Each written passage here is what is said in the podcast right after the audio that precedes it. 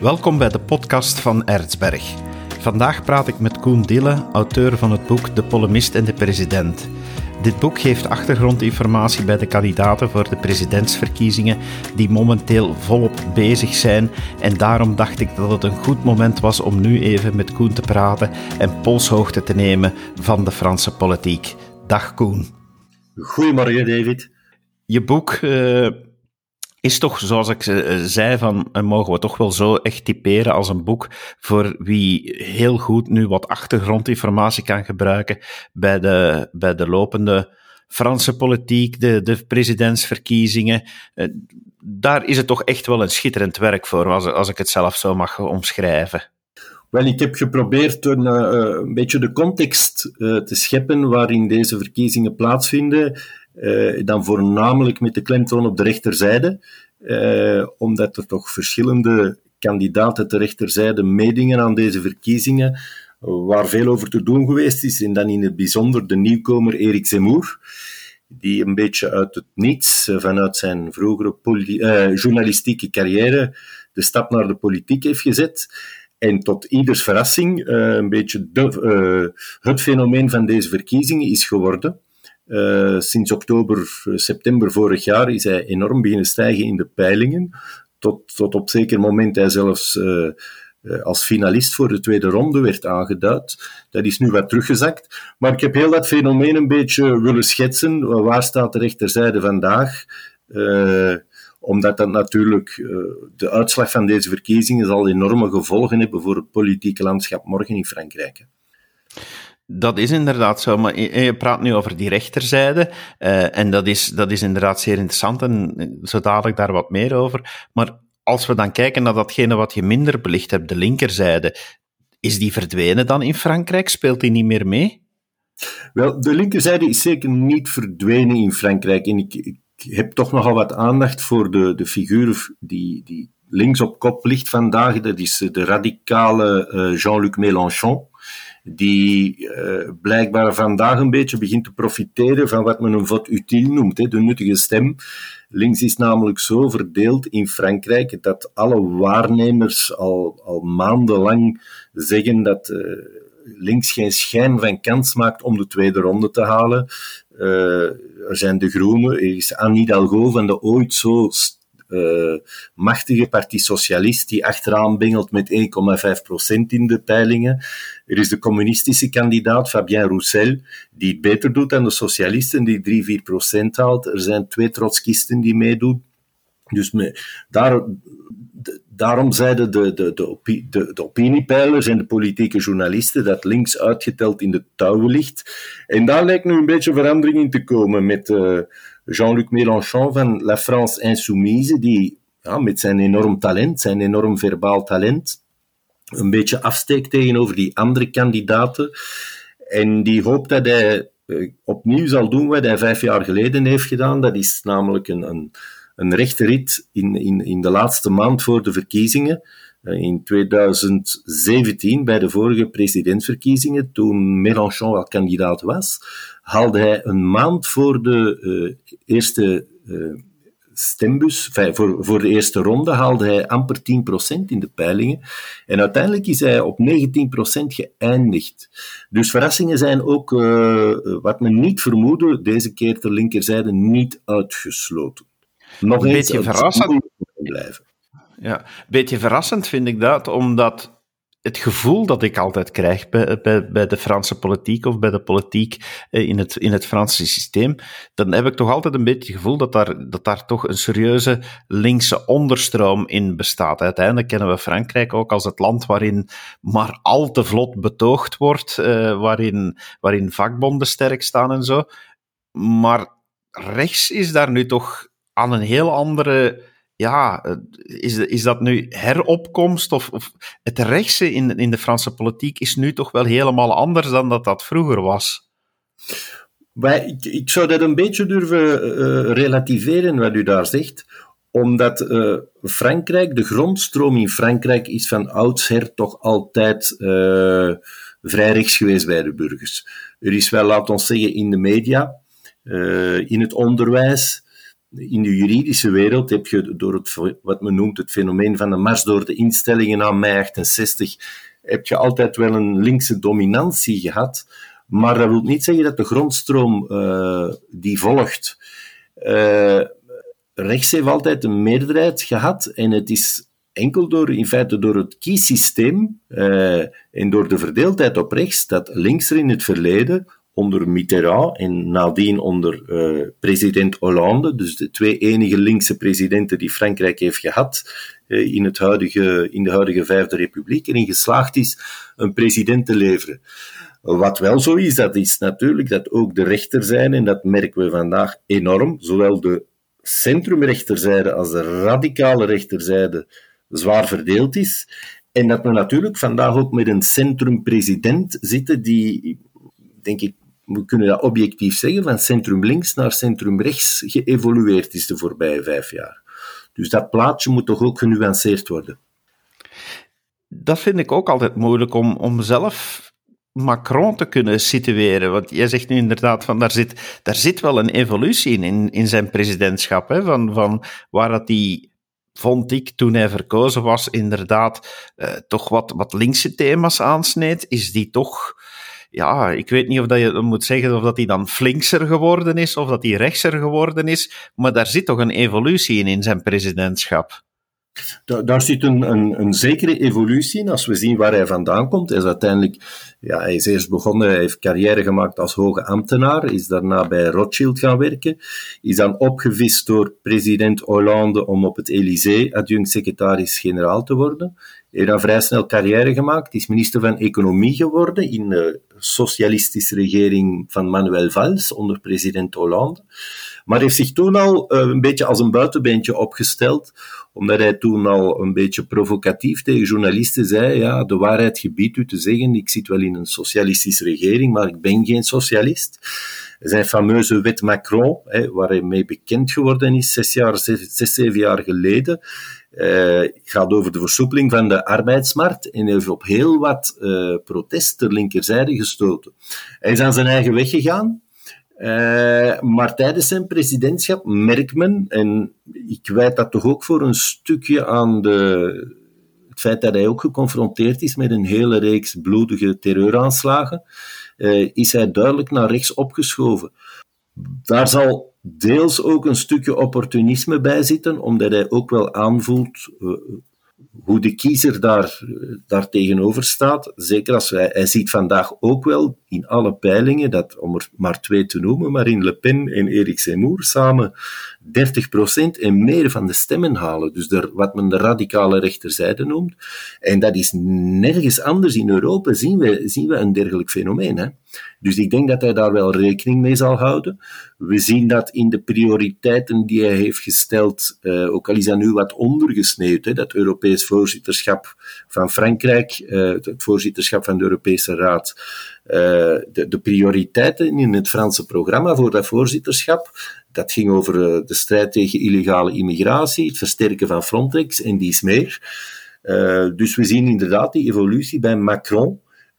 Die op economisch vlak, denk maar aan zijn pleidooi voor het verhogen van de pensioenleeftijd, die hier sowieso zal komen, dat hij inderdaad heel wat heilige huisjes intrapt. Je noemde nu al Zemmour. Dat is toch wel een, een figuur die in deze presidentsverkiezingen ineens ja, toch voor een verrassing heeft gezorgd. Wie is die Zemmour? Waar is die nu zo, zo eh, ah, voor diegenen die het minder volgen, waar is die zo plots vandaan gekomen? Want binnen Frankrijk is het misschien minder plots. Wel, wel, was in Frankrijk natuurlijk bekend van zijn vele televisieoptredens als politiek journalist politiek journalist, politiek polemist, want hij, is als journalist enorm geëvolueerd van, laten we zeggen, het analyseren van, van de politieke situatie naar het, het meer ideologisch becommentariëren ervan. Hij had daarvoor al een lange carrière bij de krant Le Figaro. Dus als politiek journalist was hij wel bekend, eh, maar eh, hij heeft uh, geprofiteerd van de omstandigheden in die zin dat hij gezien heeft dat de, het het Front National, Rassemblement National, door interne verdeeldheid verscheurd werd. Het slecht deed bij de laatste uh, in, uh, tussentijdse verkiezingen, dan vooral de gemeenteraadsverkiezingen en de regionale verkiezingen. Hij is in dat gat gesprongen. Hij heeft ook geprofiteerd van zijn bekendheid als auteur. Want als je als politiek auteur, ik denk dan aan zijn boek Le Suicide Français, meer dan 500.000 exemplaren verkoopt van een essay van 600 pagina's over politiek en geschiedenis en literatuur. Dat wil toch wel iets zeggen. Dat is nooit gezien sinds de Tweede Wereldoorlog, een dergelijk verkoopsucces. Dus dan zijn er vele mensen aan zijn mouw beginnen trekken en is hij ja, op, op enkele maanden tijd een, een, een, een nationale vedette, weliswaar een omstreden nationale vedette geworden, maar het fenomeen van deze verkiezingen, dat niemand heeft uh, zag aankomen enkele maanden daarvoor. De polemist en, en, de president, wil dat zeggen dat je boek eigenlijk voornamelijk op die twee figuren uh, gericht is, op Zemmour en Macron?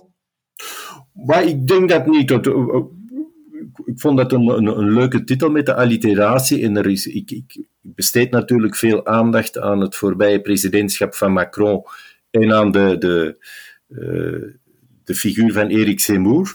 Maar ik belicht evenzeer de, wat er ter rechterzijde, wat er uh, op centrum rechts is gebeurd, waar ook enorme verdeeldheid heerst. En ik heb natuurlijk ook zeer veel aandacht voor het, het Rassemblement National van Marine Le Pen uh, en voor de figuur van Jean-Luc Mélenchon, omdat dat nu eenmaal vandaag de voornaamste kandidaten zijn. Hè. De andere kandidaten spelen een bijrolletje in deze verkiezingen. Ik denk aan de Groenen, die ook verdeeld zijn tussen een fundamentalistische en een realistische vleugel. Uh, ik denk aan de trotskisten, dat zijn allemaal uh, weliswaar boeiende fenomenen, maar zij, zij drukken hun stempel duidelijk niet op deze verkiezingen.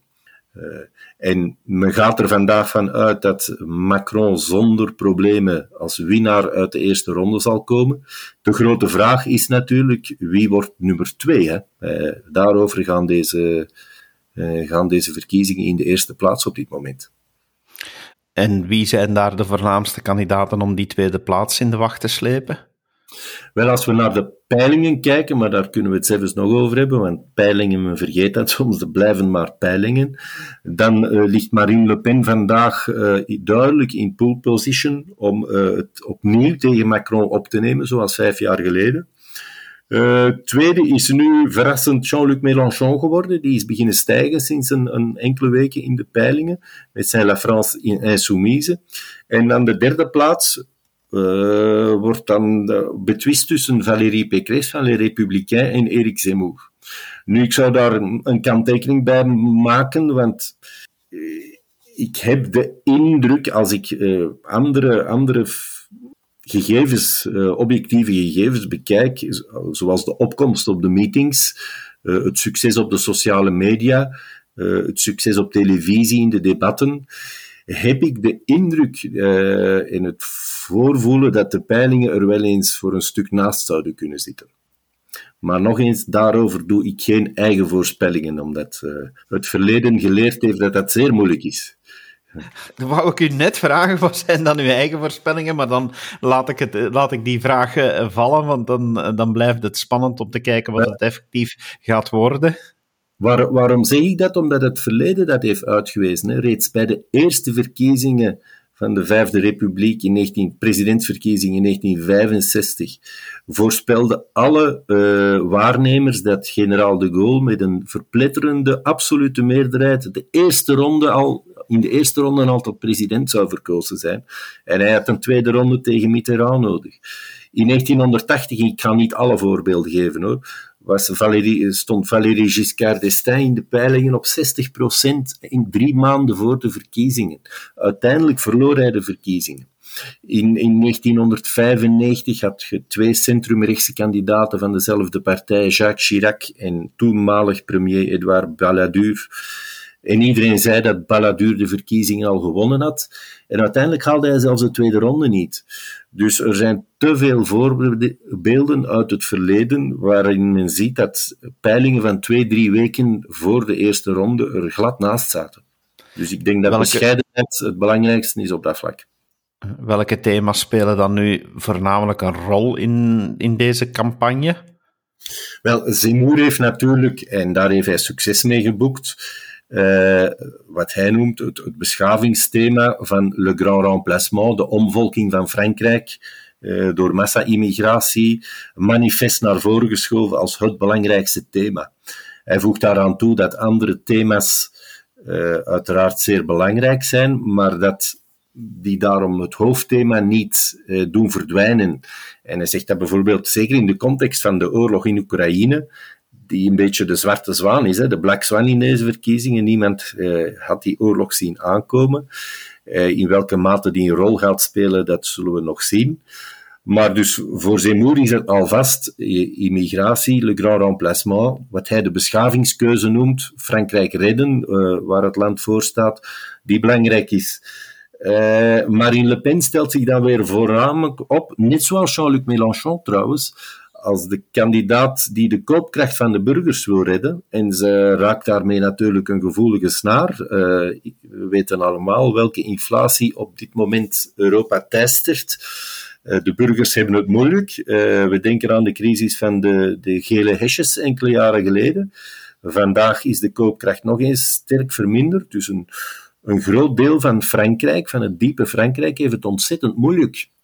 En Marine Le Pen speelt, stelt zich op als de kandidaat die de koopkracht van de burgers gaat beschermen. Eh, en wat ik daarnet zei, ze, ze blijkt daar een gevoelige snaar mee te raken. Emmanuel Macron natuurlijk, de zittende president, eh, die zegt dat de hervormingen die hij heeft doorgevoerd nog niet voltooid zijn. En dat na de gezondheidscrisis die er is geweest, er, er, en met de oorlog in Oekraïne, er dringend uh, enorme investeringen nodig zijn in gezondheidszorg, maar ook in defensie. Uh, en uh, het derde grote thema van Macron is het onderwijs. Het onderwijs dat moet hervormd worden. Uh, wil de Franse arbeidsmarkt flexibel genoeg blijven en wil de Franse en, en genoeg jobs kunnen aanbieden aan, aan de jeugd die, die, die van school komt. Dus dat zijn voor Macron de voornaamste, voornaamste thema's. En ook natuurlijk de grote hervorming die er niet is gekomen omwille van corona.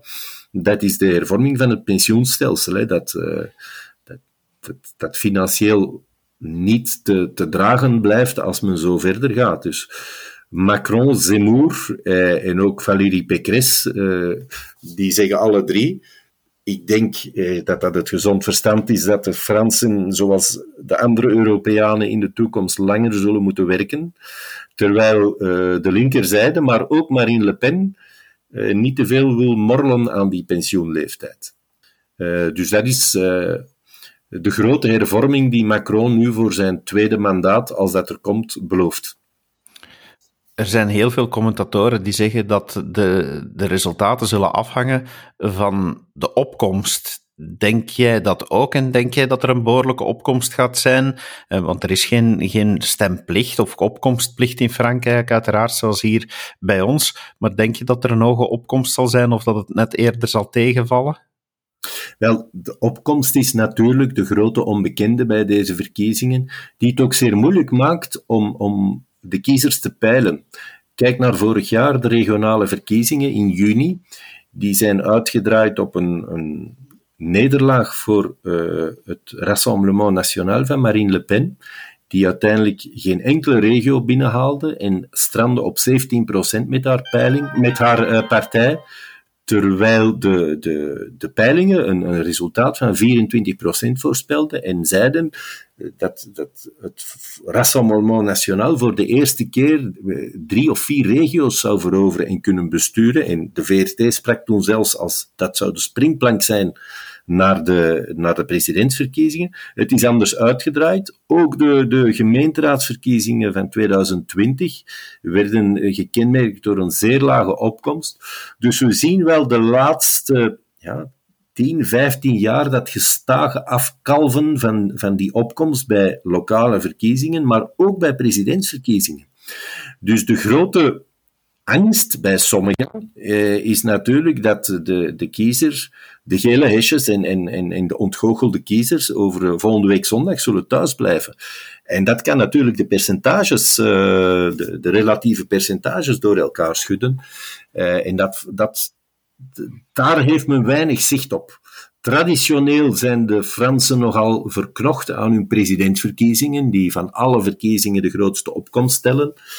Maar deze keer zou dat vergeleken met vijf jaar geleden, en zeker met tien jaar geleden, wel eens veel lager kunnen liggen. En dan is de vraag wie daar het slachtoffer van wordt en wie daar gaat van profiteren. Dat zijn, wie ervan profiteert zijn natuurlijk de partijen die de meest gemotiveerde kiezers hebben. Uh, dat kunnen bijvoorbeeld de Groenen zijn, dat zijn overtuigde kiezers die voor hun kandidaat gaan stemmen. Maar ik heb bijvoorbeeld ook de indruk dat Zemmour, een, omdat hij een hoger opgeleid kiezerspubliek heeft dan het Rassemblement National, ook Zemmour uh, uh, de meest gemotiveerde kiezers heeft en dan paradoxaal genoeg zal profiteren van een lagere opkomst. Maar dat zou kunnen betekenen dat de kiezers van Marine Le Pen thuis blijven. En zij zegt dat ook eerlijk, dat ze daar enorm veel schrik voor heeft. Ik neem aan dat jij nu op 10 april uh, aan de buis zal gekluisterd zitten, maar dan uh, ja. met, met Franse zenders. Uh, dat, het, dat het een spannend moment zal worden voor jou om dat allemaal te volgen. Wel, dat klopt. Gelukkig hebben wij, ik heb thuis Proximus, hebben we heel wat Franse zenders in huis, waaronder BFM TV en LCI, zowat de twee, twee continue nieuwszenders, die vanaf middag zullen beginnen uitzenden. Hè. Dus dat gaan we met veel belangstelling volgen. En dan om acht uur zal het verdikt vallen. Hè. Uh, wie, wie, welke twee kandidaten naar de tweede ronde gaan. En dan begint er een nieuwe, een nieuwe campagne hè, die nog twee weken duurt. Uh, dan zal er zeer veel in de coulissen uh, gebeuren, onderhandeld worden. En dan gaan we ook zien wie gaat oproepen om voor wie te stemmen. stel dat Jean-Luc Mélenchon de tweede ronde niet haalt, wat gaat hij doen? Geef, ik geef dit ene voorbeeld. Vroeger zouden alle, wat men noemt, democratische, republikeinse partijen, als er een, een extreemrechtse kandidaat in de tweede ronde zit, automatisch opgeroepen hebben om voor, tegen extreemrechts te stemmen, zoals men dat, het cordon sanitaire, het Front Républicain in Frankrijk. Maar deze keer voelt men ter linkerzijde toch enig voorbehoud bij die, die, die blinde strategie om, om, om, om tegen extreem rechts te stemmen. En het zou wel eens kunnen dat, dat heel wat kiezers dan in die tweede ronde gaan, linkse kiezers in die tweede ronde gaan thuisblijven. En dan kan het wel spannend worden. Dus dat is. Het zal sowieso spannend worden. Ja. Koen, dankjewel uh, voor je tijd. Uh, voor diegenen die uh, nog meer willen weten en die het allemaal beter willen begrijpen, verwijs ik natuurlijk met heel veel plezier naar je boek De Polemist en de President. nog steeds te koop bij Erzberg. Dus zeer interessant boek om dat allemaal beter te begrijpen. Koen, dankjewel voor je tijd. Dankjewel, David. En tot en beste. Ja, en u, beste luisteraar, hopelijk heeft u wat opgepikt uh, van wat er allemaal leeft in Frankrijk en hoe spannend deze verkiezingen wel zijn. Uh, hopelijk eh, blijft u het ook allemaal volgen en hebt u genoten van deze achtergrondinformatie die we hebben meegegeven. Graag tot de volgende keer. Dag.